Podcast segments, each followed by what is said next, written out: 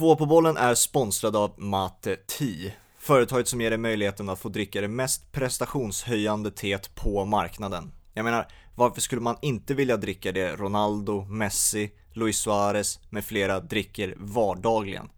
Köp ditt mate-te på mateti.se och använd koden 2PABOL för 10% rabatt på alla produkter.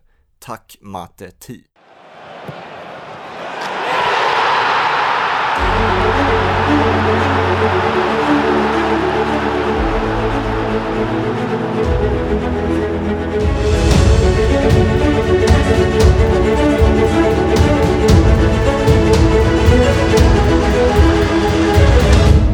Hej och välkomna till Två på bollen avsnitt 77. Det är jag som är Fabian Norlund och med mig som vanligt har jag Hampus Zachrisson. Jajamän. Och idag gästas vi av Ola Lidmark Eriksson. Kul att du vill vara med. Tack så mycket. Kul hur, att vara med. hur är läget? Ja men det är bra. Lite trasig rygg men annars så är det bra. Så. Även kallad eh, Fantomen. Eh, ja. var, kommer det namnet ifrån? Oj, bra fråga. Jag tror att jag har haft Twitter så länge så det kommer från mitt Twitterkonto. Det var det nog bara att jag testade om det var ledigt.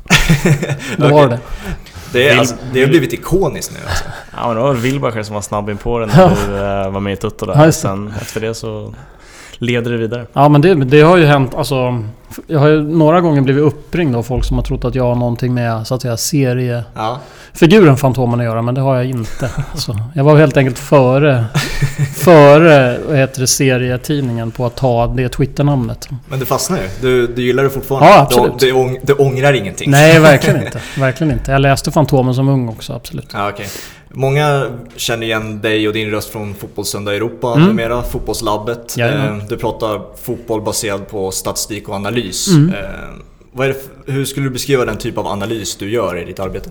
Eh, men det är egentligen tvådelat. Jag har ju startat ett företag som jobbar med dataanalys. Och eh, mina egen vardag handlar ju väldigt mycket om att jobba med dataanalys liksom ur ett bredare perspektiv eftersom outputen ska vara som det är nu då, Fotbollssöndag Europa. Och då ska man ju koka ner ganska detaljerad och ibland ganska avancerad dataanalys till någonting som går att fatta för TV-tittaren på ett par minuter. Mm. Det är ju liksom den ena delen och sen den andra delen är ju den vi gör med de fotbollsklubbar som vi jobbar med. Framförallt i, i Sverige då, Allsvenskan. Vilka är det? Uh, ja, nu måste jag tänka efter så att jag... Men det är ju då Sirius, Falkenberg, IFK Göteborg i första hand just nu då som, som, som vi jobbar med i Allsvenskan. Sen har vi några i Superettan också. Är det som det man får reda på så här inför matchanalys av den typen av analys eller? Eh, men det är lite olika med olika klubbar men det kan ju också vara att vi hjälper till med scoutingen. Ja, Och då är det ju mycket baserat på siffror. ja. Ehm, vi jobbar mycket med division 1 nu och, och, och ser till att ha heltäckande data just på division 1 då. Så där är det ju rätt många klubbar som har hakat på Mhm. och tittar på den delen också. Så det är ju egentligen tvådelat. Mm. Hur kommer eh, sig att analysen av fotboll, alltså den analytiska delen, var kom det intresset ifrån? Uh, nej men alltså, jag tror att det var något sånt där. Det kom sig nog av att jag eh, började läsa om vad som var på väg att hända i Europa med Brentford och Midtjylland och några andra. Man hörde talas om det och sen insåg jag att det låg rätt nära mina stora intressen alltså, som ändå är fotboll och programmering och systemutveckling. Så att det liksom gick hand i hand. Det blev extremt populärt med expected goals och Mm. hela den statistiken. Men jag upplever också att det till en början kanske inte lika mycket längre fanns ändå ett motstånd mot det. Och jag tror att så här, folk inte ville riktigt förstå så här, vadå, man kan inte göra 1,78 Mm. mål. Eh, Jag tycker den statistiken lämpar sig fint över en längre period men Mm. just i en match så, så här, 1,78 mål borde de ha gjort men de gjorde två. Mm. Liksom, det säger inte jättemycket men eh, hur, hur upplever du ändå det motståndet som fanns till en början? Att så folk dels inte förstod, sen kanske inte heller ville förstå den Mm. nya tekniken. Nej men det är ju också, det är ju faktiskt också två delar. Det är både det motstånd eller det liksom svårighet vi ändå mötte när vi började jobba mot eh, klubbar. Från början var det ju ganska stort motstånd på ga- ganska många håll mot oss. Både för att det var nytt men även för att vi såklart inte, ingen hade ju någon aning om vilka vi var. Så det var en ganska lång resa att att komma in och ha det förtroendet att börja jobba med klubbar. Så även där fanns det absolut ett motstånd som vi har märkt skifta. Men det kan man ju se absolut i i media också, utan någon som helst tvekan. Jag menar när vi började, vi började ju rätt aggressivt med att köra ut expected goals-siffror i Simors sändningar av Allsvenskan som mm. de var på den tiden. Och då var det ju mycket.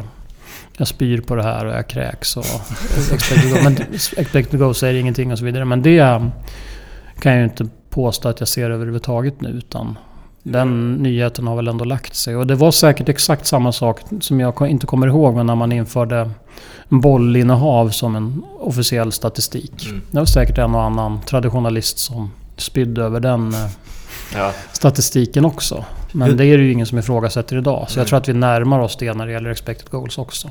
För absolut, det säger inte jättemycket om en enskild match, men det gör ju inte bollinnehav heller. Nej, eller, eller skottstatistik, eller hörnor, eller någon annan statistik som man presenterar i liksom en grafikruta. Så där kan jag egentligen tycka att expected goals säger minst lika mycket som bollinnehav om en match. Liksom. Hur tar man fram expected goals?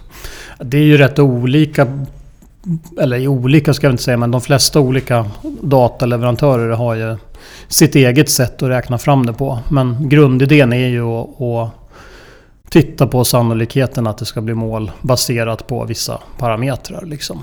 Och sen exakt hur olika leverantörer gör det, det är ju ibland faktiskt direkta industrihemligheter. Men, så det kan ju skiljas åt lite, men det beror lite grann på vad man tar hänsyn till och sådär. Mm. På tal om det här motståndet som mm. Hampus var inne på. Vi hade Hasse Backe som gäst för någon månad sedan. Han mm. var inne på att den här eh, beroendet av statistik, eller i alla fall det här som du är inne på att det har blivit mer populärt numera. Mm. Att, eh, han sa då att man inte bör tappa ögat, sa han. Alltså tappa den, grunden av att se på fotboll. Att eh, den analytiska delen av fotbollen tar över mer än, än vad kanske är nödvändigt. Håller du med om den, den resonemanget? Ja, det, det, gör jag absolut. Men det är väl lite som så här, Gartners klassiska hypekurva. Att man når ofta en ganska tidig hype av produkter och digitala innovationer och så vidare rent generellt. Och den första hypen är ju ofta halvt omotiverad. Sen går man ju över till att ja, det avtar innan det sen ofta brukar ta fart igen. Och när det tar fart igen så är det ju med så att säga riktiga implementationer och riktiga tillämpningar av det. Liksom. Så jag tror att vi är på väg förbi den där första hypekurvan in i någonting där man faktiskt använder det man ser värde av. Mm. Um, och där tycker jag vi har kommit jäkligt långt när vi gör till exempel fotbollslabbet i TV. Att vi från början kanske fokuserade mycket på innovation och att vi skulle köra expected goals bara för att det var nytt. Mm. Men nu tycker jag att vi mer och mer lär oss vad som tillför någonting eller har gjort över de åren som som har gått som, där vi ändå har jobbat med. Och liksom göra det begripligt och faktiskt också att det ska tillföra någonting. Men det? det gäller ju fotbollen och analysen som vi gör med klubbar också såklart. Utöver expected goals då, vad tycker du finns för mer analysdelar som du jobbar med som till, alltså tillför fotbollen med mer så att säga? Nej men alltså om man pratar scouting finns det ju egentligen hur mycket som helst. Mm. Utan där handlar det ju väldigt mycket om att hitta men det som matchar de spelsätt som de klubbarna jobbar med som vi har och så vidare. Och sen är det ju kanske den stora utmaningen är väl kanske mer i försvarsspel där det handlar mer om spelförståelse. Men, men när det gäller anfallsspel och även i viss mån målvakt så tycker jag att vi har kommit väldigt långt. Mm. Rent generellt och då kan det ju vara allt som man tycker är viktigt. Mm. Utifrån en tränares perspektiv och det är ju inte så mycket egentligen något hokus pokus så, utan det handlar ju bara om att effektivisera en scoutingprocess. Så att man inte ska behöva titta på en massa video. Utan du kan ju ganska lätt med... Det behöver inte ens vara algoritmer utan det är ju bara ganska enkel liksom, databas frågeställande egentligen när det handlar om att plocka ut spelare som får in bollen i straffområdet många gånger. Och sen kanske spelare som tar sig in i den gyllene zonen många gånger. Och så vidare och så vidare och så vidare. Så, så menar, den typen av analys, det är ju inget hokus pokus utan det är ju verkligen konkret och här för att stanna. Mm.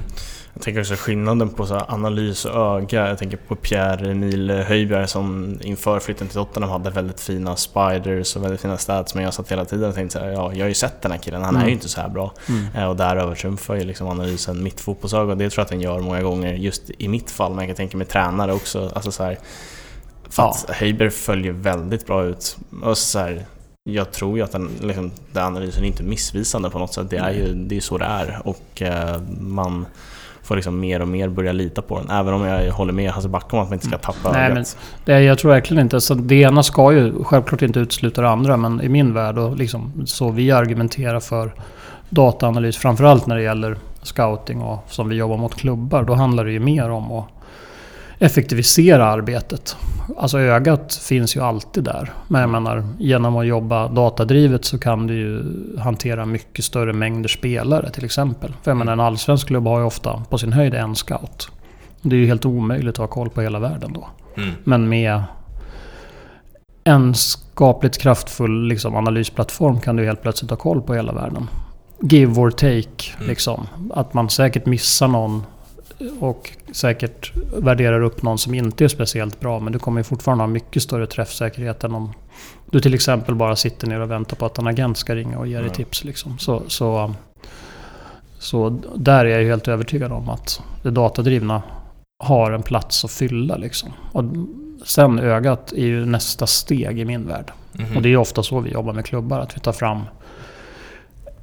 Ja, men kanske en kortlista på 10 spelare som ser bra ut. Utifrån de parametrar som till exempel en sportchef letar efter. Och sen nästa steg är ju att titta på mjuka värden. Och såklart också titta på video och se spelaren live. Så du, du är med i rekryteringsprocess också i klubbar då? Mm, absolut. Men då handlar det ju inte om de sista bitarna. Alltså se dem live och prata om mjuka värden och se Mm. om spelaren passar in i trupp och vill flytta och vad det nu än må vara. Men att ta fram de här kortlistorna, absolut. Mm. Eh, den här plattformen som du driver, Mm. hur må- är, du, är ni en av de ensamma på marknaden? Vad man ska hela, eller är det ni som bryter mark eller finns det flera? Nej, men det finns ju ett gäng konkurrenter i andra länder. Mhm. Men i Sverige är vi ju relativt ensamma och jobbar på det sättet som vi gör. Absolut. När, tog, när kom det fram ungefär då? I andra länder? Nej, e- ert specifikt. Ja, vi började ju 2016. Och hur relativt tidigt var det i jämförelse med de andra länderna? Det var väldigt tidigt. Vi det så? pratar, ja, absolut. Om vi pratar till exempel Statsbomb som är en amerikansk, eller en, förlåt, en brittisk liknande så var ju vi före dem till exempel. Mhm. Ehm, med att bygga en plattform och en produkt. är, är ni framför dem så att säga? Det det ni tar fram tycker ni? Om ni jämför? Jag tycker det fortfarande. Men å andra sidan så är ju de 20-30 man nu och vi är två. Ja, det är så. Ja, vi är två plus fyra nu i och för sig. Ja, absolut.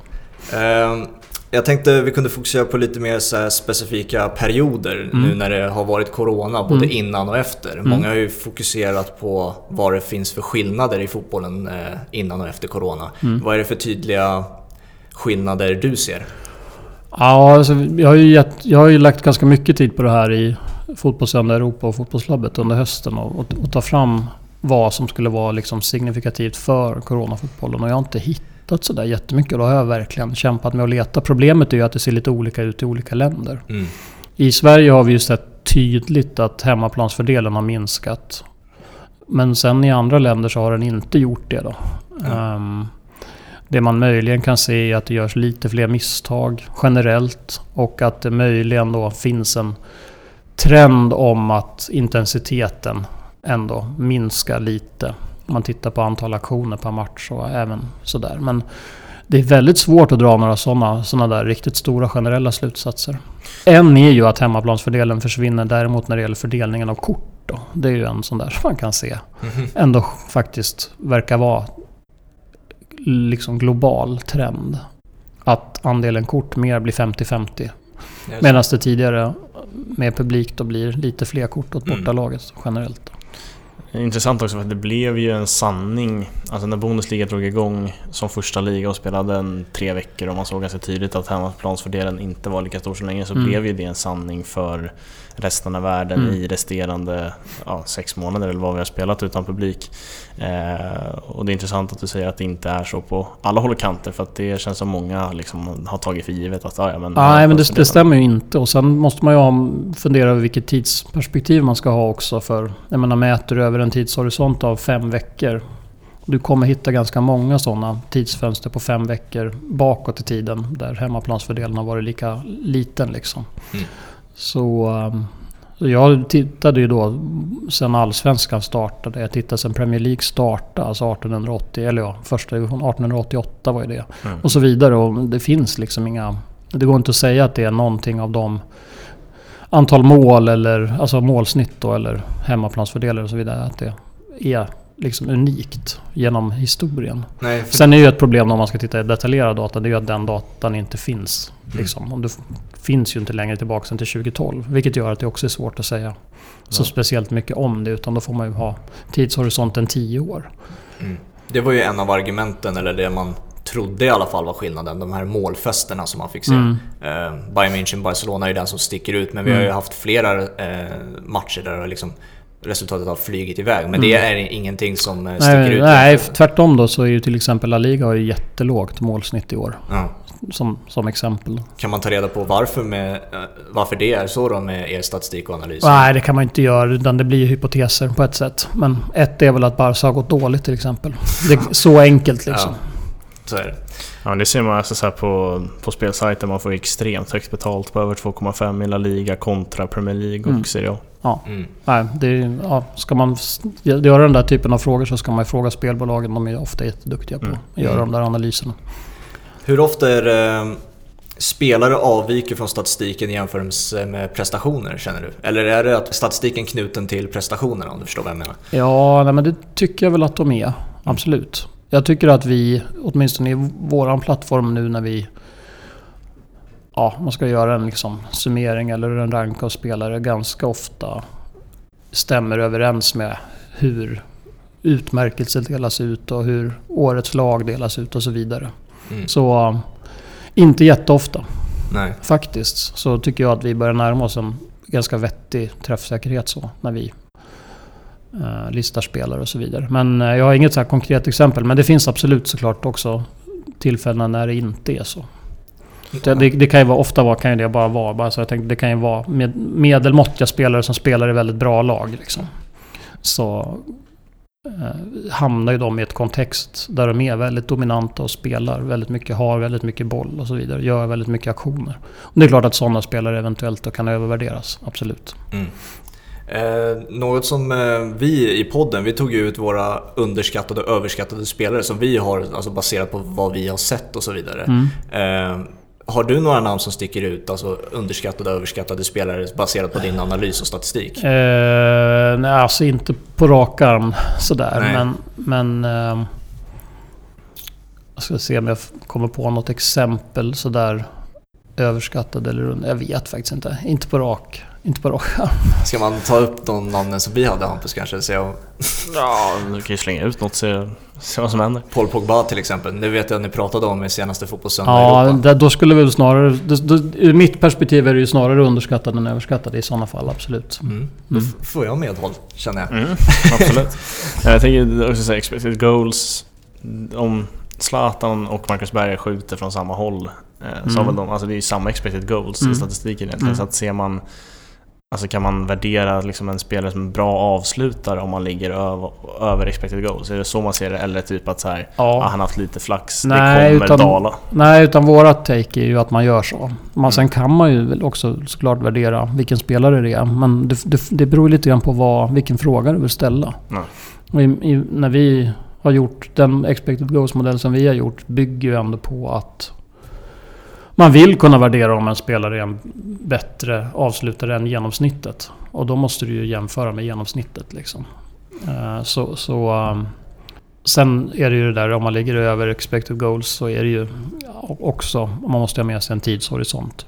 Gör man det över fem matcher, eller gör man det över 50 matcher, eller gör man det över 150? Det är Ja, en ganska stor skillnad liksom. Jag kan tänka mig att Tottenham har ganska lågt expected goals ändå med tanke på hur många mål de har gjort och vunnit så mycket matcher. Mm. Men eh, det, kan man ju också knyta till att Kane och Son är så fantastiskt bra Exakt. som de är. Exakt. Ofta är det ju, går det ju att hitta. Det går ju ofta att hitta den typen av förklaringar. Mm. Eller Barca, när Messi är i form liksom.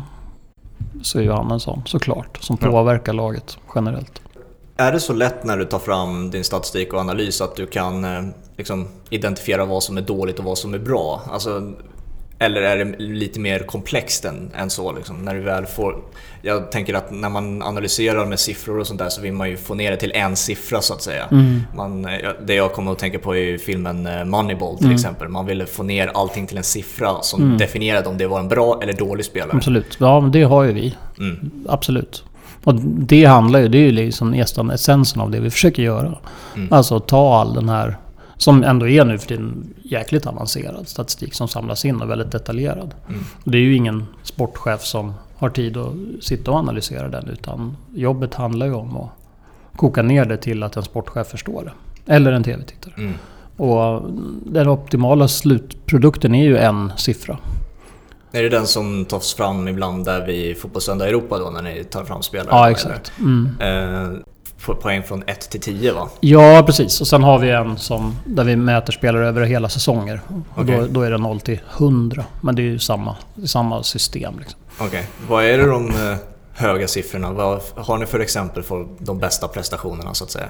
Mm, nej men alltså, Messi har ju varit etta på den där ranken sen vi började 2016 egentligen. Och han har ju legat någonstans mellan 95 och 100. Mm. Nu är han ju nere på 80 någonting den här säsongen, så här Okej. långt då. Vilket är sjukt lågt för att vara Messi. ja, det säger någonting ändå. ja. Ehm, skulle, eh, så tror du att det kan bli en förändring till när, du till, när man till exempel eh, ska utse en vinnare till världens bästa spelare och sånt där? Att man använder sig av statistik som på det sättet ni gör? Eh, ja, alltså det tror jag.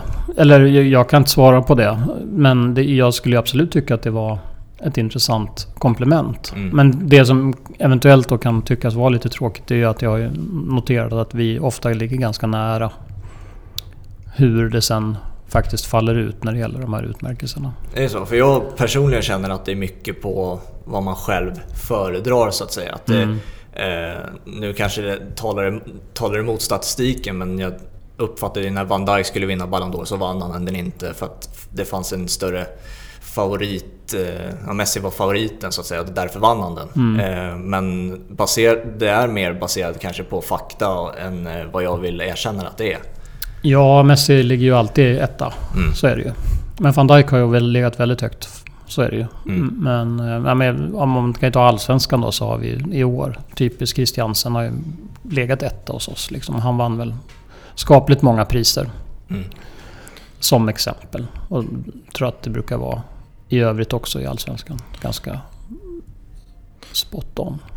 Tror sådär, alltså så de här priserna skulle typ må bra och kanske ha en jury som går på lite mer statistik än röster även om det i slutändan landar på att Messi vinner. Ja. Eh, vilket han kanske skulle göra i en popularitetsröst. Men just bara för anseendet. Jag tycker många har liksom börjat släppa vem som vinner de här priserna egentligen för att det är ju en popularitetstävling där journalister Mm. och tränare får rösta.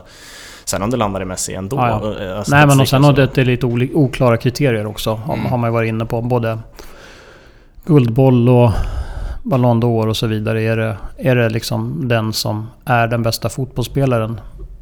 Eller är det den som har vunnit mest? Eller är det någon kombination av de där? Så, Ja, exakt. Mm. Det kanske är det största felet då sett till eh, priser som har delats ut. Är det Guldbollen då? Den svenska Guldbollen om man baserar det på statistik? Eh, nej men alltså den ska ju inte bara... den den är ju verkligen inte bara baserad på prestation. Utan det finns ju en massa annat i de där statuterna. Mm. Med att man ska vara en god representant för svensk fotboll och, och så Mm. vidare. Så, så den är mycket svårare att göra på det sättet. Men det är klart att man kan ta ut den som har gjort det bästa på planen. Ur, utifrån ett statistiskt perspektiv. Men då var ju det Zlatan i år. Mm. Om man tittar globalt. Så det var ju liksom... Ja, jag hade inga synpunkter på det utan det var ganska tydligt att Zlatan var nummer ett. Hur många synpunkter fanns det när Andreas Granqvist vann till exempel? Ja, men då var det ju rätt många såklart. Då fanns det ju ett par som var, som var bättre ur, ur det perspektivet, absolut. Mm. Inklusive Zlatan. Ja, det, det var nog han lack på också. Mm. när man Även om han var skadad så liksom, det han gjorde i de lag han spelade i då. Liksom. Ja, exakt. Så är det. Ja, så. Men då är, värderar man ju annat. Mm. Eh, vi, vi fick ju in lite frågor Mm, också mm. eh, på sociala medier. Ja. Se om du, hur bra du har koll på vissa namn som jag inte alls hade koll på överhuvudtaget. Hur mycket, hur mycket statistik i huvudet du har på de här. Ja, vi får se. Vi fick ju en fråga på Twitter då om Ruslan Milanovs Ja, den såg jag. Ja. i, i såg jag. Atalanta. Mm. vad, vad har du på honom med frågan? Nej men han ser bra ut. Eh, Så jag kan inte, kanske inte ska gå in på detaljerna men han är faktiskt en av de som ser bäst ut i Atalanta. Utifrån ett statistiskt perspektiv. Så mycket har jag i huvudet i alla fall. Det är kul för att det är en spelare, jag vet att jag har nämnt honom i podden förut, jag tycker att han är riktigt bra. Jag gillar honom framförallt för att han har en hästspark till skott. Mm. Det är bara smäller när han skjuter och liksom han har de där mjuka värdena som gör att man tycker om honom. Ja, ja, det är ja, men jag håller med. fantastiskt att han även är bra i Spiders Mm. och liknande. Eh, Atalanta-spelare by the way, Mm. så de köps ju in väldigt ofta som nobodies. Tror du Mm. de använder liknande statistik som ni Eh, arbetar Ja, med? det tror jag säkert. Det tror jag, liksom, jag tror att alla gör det på ett eller annat sätt i de högsta ligorna. Även i lag som Manchester United och sånt där som misslyckas fatalt med sina värvningar. Alltså alla lag i Premier League har ju en analysavdelning Mm. med analytiker som jobbar på ett eller annat sätt med video och data. Sen vilket mandat de har, det är väldigt olika. Men jag vet att alla har, som är ganska stora. Vet, vet du vilka som är bäst då, på pappret så att säga? Eh, nej, det gör jag inte. Då, nej. Det kan jag inte. Nej, det, det vet För det är ju mycket hemlighetsmakeri i de organisationerna. Så man vet ju inte riktigt vad de gör och hur mycket som kommer från liksom, varje individuell eh, dataanalysavdelning så i Premier League. Men vad är det klubbar som Brentford och Midtjylland gör så speciellt? Eller var det att de var först med det här? Eller Nej, jag skulle nog tro att det fortfarande är så att de också gör det väldigt bra. Liksom. Ja. Och framförallt att de har väldigt stort mandat. Det tror jag är en viktig del i det. Mm. Att i, framförallt, och det var väl en av anledningarna till att Benham gick i- just till Midtjylland också. Det var för att han liksom visste att det skulle gå att få mandat där på ett helt annat sätt än vad det gör i England. För att det ställs andra krav Ja. från supportrar och ledning och så vidare. På kortsiktig eh, vinst. Eller på, liksom. Så jag tror att det var lättare att vara långsiktig och, och, och få större genomslag i en klubb som Midtjylland. Det känns också med tanke på att Brentford och Midtjylland är liksom, ja, exemplen man ofta tar upp för att de, Mm. de var så tidiga och gör det så bra så har de kunnat bygga vidare på det här och kör liksom sömnprogram och allt möjligt. Ja, ja, så att så här, de går ju verkligen all in och Mm. det, det går inte dåligt för de klubbarna. Nej, nej, nej, precis. Verkligen. Och sen är de ju duktiga på andra delar av dataanalysen också som jag inte har nämnt så mycket här men som vi kanske inte ligger lika långt fram på i heller. Och det är ju liksom den taktiska analysen som ganska fort kan bli väldigt komplex. När det handlar om att med hjälp av data hitta strategier för fasta situationer och sådär. Att det saknas i Sverige? Ja, alltså och det, är ju, det, det kräver ju rätt mycket jobb liksom för att bli bra på det. Okej. Eh, och där ska jag väl inte påstå att vi är. Vi har, eller liksom har fokuserat på än. Vet man vilka länder som är, sticker ut där? Alltså Midtjylland är ju ett sånt lag som tydligt har gjort väldigt många mål från fasta situationer och har förbättrat det liksom. Mm. Sen de började jobba datadrivet. Mm. Men det är ju som också väldigt mycket hemlighetsmakeri bakom det liksom. Jag vet att eh, Atalanta har ju varit, eh, på tal om spelaren vi har tagit upp här, så det är ju ett lag som eh, väldigt många har liksom svårt att eh, sätta fingret på vad som är speciellt med dem. Men Mm. det är ju spelsättet, formationen, sättet de springer. Är det det laget som sticker ut mest eh, när, du, när man analyserar ett lag och sånt där? Det, det känns väldigt ortodox på något sätt när man ser Atalanta spela. Eh, ja, alltså just i år är ju absolut Atalanta och har väl varit de senaste åren ett av de lag som sådär tydligast sticker ut, absolut. Vad är det som sticker ut då? då? Nej, men då är det ju ofta de här, det höga pressspelet och höga bollvinster och den typen av aktioner som man väldigt tydligt ser. Och sen att det ganska svänger ganska... Alltså det, det svänger rätt mycket liksom om dem. Mm. Ehm, ja, jag tror vi gjorde... Jag tror jag har gjort den i Fotbollssöndag Europa här i höst Mm. också. Pratat just Atalanta och det är himla kul att göra. Mm. Atalanta är ju svårläst och det kändes som eh, Rickard Norling när han liksom skulle ta mycket av Atalanta in i AIK att han, han kanske behövde ett år till med video och Mm. liksom verkligen analysera mer hur, hur det går till. Så jag, jag tycker det ska bli intressant om... Han sa ju ganska tätt in på liksom exiten från AIK att jo men det här, det här är nya, det är det här jag vill liksom Mm. satsa på. Och nu ryktas han till Norrköping och eh, hoppas nästan han tar det jobbet bara för att se om han verkligen implementerar, implementerar det här spelsystemet återigen. Mm. Eh, liksom vill se om det går att göra på... För det är egentligen bara Atalanta som har lyckats med det Mm. än så länge. Exakt. Vad var det AIK misslyckades med då i jämförelse med Atalanta när, när man tittar på båda lagen? För Oj. Det är ju... Ja, alltså ur mitt perspektiv tror jag att det var, gick, gick lite för kort tid för att kunna säga något sådär Mm. tydligt med det. Men det är klart att man någonstans ändå får ta med sig att det var kanske ändå en trupp som behövde lite mer tid på sig att göra det. Och dessutom var det ju en ganska ung trupp som spelade då, i början av säsongen. Liksom. Mm. Och som supporter till AIK så liksom var det ju... Det, det man ville få ut var ju liksom mycket fler målchanser och Mm. mycket högre bollvinster men det Mm. var egentligen ingenting utav det. Så att så här, självklart hade det behövts mer tid och på den tiden man fick, fick man inte ihop det speciellt bra. Så Nej, eh, det men var, sen- var mycket som saknades. Det man däremot kunde se ur liksom, mitt, det jag såg i mitt perspektiv var ju ändå att det fanns ingen sådär jättekris när det gällde att bli nedflyttad. Om det var det man var rädd för Mm. så, så tror jag att den rädslan var obefogad. Så jag har ju svårt att tänka mig att det, att det var den. Det kanske det var, men som jag såg det så fanns det ju ingen risk att åka ur. Även med det AIK. Och hur mycket AIK presterade även liksom under Norling. Li, lite baserat på att det fanns andra lag som såg ännu sämre ut liksom, just, i, just i Allsvenskan. Så visst, man hade hamnat läng- kanske hade hamnat längre ner. Men av som man inte hade tagit in Bartos. Men jag tror inte man hade åkt ur liksom. Nej, jag tror så mycket den rädslan handlade om mjuka värden, om vad Mm. AIK tycker att AIK ska vara för klubb. Eh, Och där var man Ja. inte. Nej, exakt. Nej. På tal om, eh, om man fortsätter på spåret med Atalanta, att de sticker ut i pressspelet. Är, vad är det för fler, ska man säga, så, saker som sticker ut i spelet som definierar de här framgångsrika klubbarna?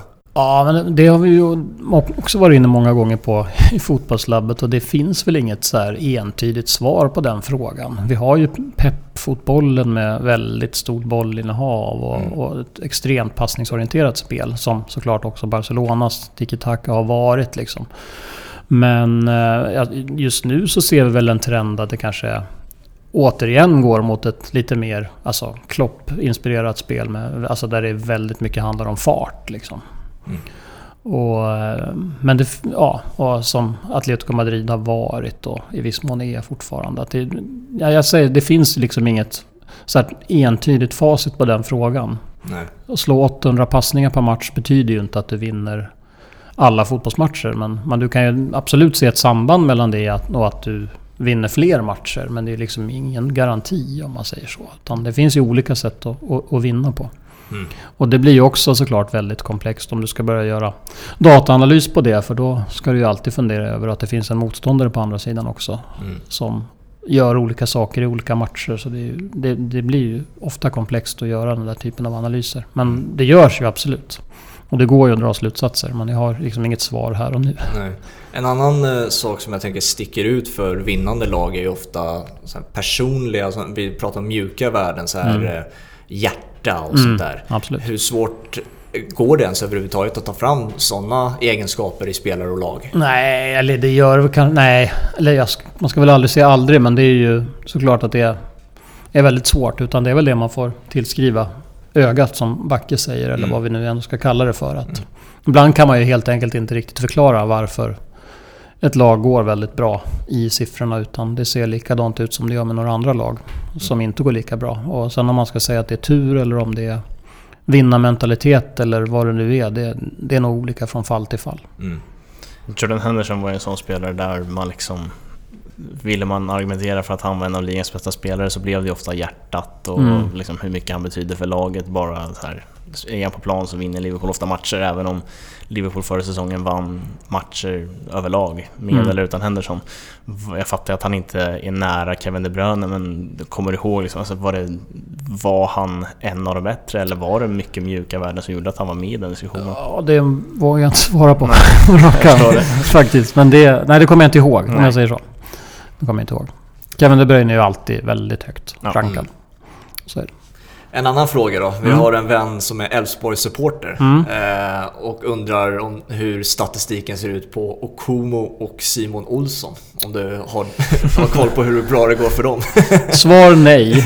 Det har jag inte. Ingenting. Nej, det har jag inte. Inte på rak arm. Däremot så kan man väl bara säga om Elfsborg att just Thelins lag kanske i viss mån alltid har stuckit ut lite grann i just statistiken. Att man ofta får ganska bra utdelning sett till de chanser man skapar. Okej. Och det har väl i- tidigare i alla fall haft att göra med att han har varit ganska bra på det här omställningsspelet. Mm. En annan fråga då. Eh, tror jag du såg också på Twitter och, och eh, om du kunde dela med dig lite football manager-rek. Alltså jag har ju spelat sjukt mycket Football Manager. Men, men jag har inte gjort det de senaste åren faktiskt. Nej, vadå då? Nej, jag har inte tid. Nej. Så enkelt är det. Jag har inte haft tid att spela det. Eh, Och sen vågar jag... Nu har jag faktiskt köpt det, men det var ju bara för att jag själv är med nu för tiden. Så. Ja, Men jag har, bara, jag har faktiskt bara installerat det, jag har inte spelat en sekund. Nej, det Men var... jag, jag kan ju dela med mig av ett fusk, eller fusk, men jag brukar ju spela... Jag har tidigare spelat med Genie Scout och det är ju lite fusk. Mhm. Om ni vet vad det är. Nej. Ja, men då, får man ju, då ser man ju hela databasen och alla dolda värden. Så behöver man inte hålla på och scouta så mycket. Nej, okej. Så det är väl ett halvfusk. Jag ändrar inte i databasen men jag kör med Genie Scout. Då- så det kan väl vara ett tips om man, Ja, vill, om man vill ha... Om man vill hitta de största talangerna i spelet. Det är ju bara att skaffa Genie Scout. Det kostar väl... Det kostar inte många kronor att köpa. Nej. Och då får man se vilken potential alla spelare i hela databasen har. Slänger in uh, Anel Ahmed Hodzic eh, som en uh, football manager-rek. Jag har kört två saves hittills eh, och plockat in honom både till Rangers och Lazio. Eh, går typ att värva honom till de flesta lagen. Han verkar inte ha så stora krav på liksom, rykte på laget och bli, bli snabbt en världsback. Oh. Så att Ahmed Hodzic är Ja, en bra bra. rek. Jag ska inte tipsa om någonting för jag har inte spelat en sekund men det var en del av frågan också att eh, utöver reket så ska man ju såklart plocka in dig i Ja, staden. ja, då. självklart. Det ska man ju göra. Det är ju där drömmen för fotbollsspelare att vara med på Fifa och sånt där. Men Ja, du, ja. det här Ja, måste ja. ju vara någonting att bli Ja, ja, ja. Ja, på ett spel. ja, verkligen. Så framförallt med tanke på hur många timmar jag har spelat det, kan jag säga. Men det är garanti att du kommer att spela med dig själv då eller? Jag spelar jag nu så kommer jag att spela med mig själv. Jag, jag testade i betan att värva mig själv till Sampdoria, men då sa jag själv nej, vilket var jävligt konstigt. Vad var anledningen till det? nej, jag ville inte flytta. Ehm, Så jag vet inte om det är fixat. Det är antagligen inte. Nej, antagligen inte. Ehm, en annan fråga så här lite mer um, bakgrundsaktigt om du var och pluggade som, eh, på högskolan. Jag pluggar mediateknik på KTH faktiskt. Men eh, hur, hur kom du in på den här delen av... du har ju berättat om din, din, Mm. ditt intresse, men hur kom du in på den här vägen som du kom in på om eh, mediateknik i? Eh, nej, alltså det är nog väldigt mycket tillfälligheter. Mm. Utifrån att vi... Ehm, nej, men jag tror att det var tillfälligheter, timing och lite tur som det kan vara. Alltså, vi började med det väldigt tidigt ur ett både internationellt perspektiv, men vi var ju klart först i Sverige. Och jag tror att TV4 och More då ja, tyck, liksom också hörde talas om det och ville börja jobba med det här och då låg ju vi bra till. Liksom. Mm. Och sen att det, det ovanpå det då hamnar i att jag syns i rutan. Det får du nästan fråga dem om hur de resonerade. Faktiskt. Nej men hur, jag tänkte Ja. så här, fantasylag är ju mycket, det känns som att det har fått en otrolig boom till att börja med. Spelar du fantasyspel? Nej, det är samma där. Alltså, jag har, nej men jag måste prioritera. Alltså, jag, Ja. har, jag har inte tid. Helt enkelt. Så att det, det händer liksom inte att du sitter och leker med någon databas för egen vinning nej, jag får den där frågan men jag måste... Jag har liksom... Det går inte. Nej. Jag har för mycket att göra. Så jag är livrädd. Jag, jag vet ju att jag skulle fastna. Det är ju samma med Football Manager. Mm. Ja, Det är ju exakt. livsfarligt för mig sådana där grejer. Så jag, jag måste... Det är nolltolerans för annars åker jag dit. På grund av ditt tajta schema så då är vi extremt... Eh, vi uppskattar extremt att du tog dig tid att Ja, vara men det med var jättekul. Eh, ska jag berätta också för de som inte vet då vad man kan hitta dig på sociala medier och sånt där, de som lyssnar. Ja men det är ju Fantomen på Twitter. Ja. Och sen så kan man absolut följa Fotbollslabbet också som har ett eget Twitterkonto. Och där får man ju upp alla klipp. De flesta klippen i alla fall från Fotbollssöndag Europa. Annars så är det ju Fotbollssöndag Europa också. Som där förstudion är ju inte bakom betalvägg tror jag. Den kan man se på Fotbollskanalen. Men sen får man väl pröjsa om man vill se själva matcherna på söndagskvällar. Ja, när vi ändå har Ola här så måste jag liksom berömma hela Fotbollssöndag Europa. Fantastisk eh, studio. Där tycker du verkligen till. För alltså så här, där har vi ju ögat med liksom, ja, Hasse Backe, Vicky Blomé, Mm. Astrid Taderevich nu för tiden, Absolut. Gusten programledare och sen får man även statistiken. Så att, Ja, eh, men, ja, men på tal om att jag tycker det... Om, lite självskryt, men vi har ju jobbat med det i tre fyra år nu. Liksom, Med att hitta ett format och liksom hitta nivån tycker jag. Så jag tycker också att det känns, det känns bra. Och det är ett Ja. kul gäng liksom. Ja, men som tittare tycker jag att har fått Mm. ihop det riktigt bra. Kul. Eh, något annat vi har fått ihop, eller vi har fått ihop bra är ju våra sociala medier nu för tiden. Tycker Mm. Det känns fint. Eh, På Instagram eh, är det eh, två pabollen och Twitter tvåbollen. Följ oss gärna där. Och nu har vi även en hemsida nu för tiden, tvåpabollen.se där jag framförallt ska bli bättre att sköta min blogg. Ja, Så att håll utkik. det får ni göra. Eh, tack så mycket återigen att du ville vara med Tack. Ola. Kul att vara med. Vi hörs på söndag igen med vår sista adventsspecial och sen nästa onsdag. Så har ni så bra så länge. Ciao!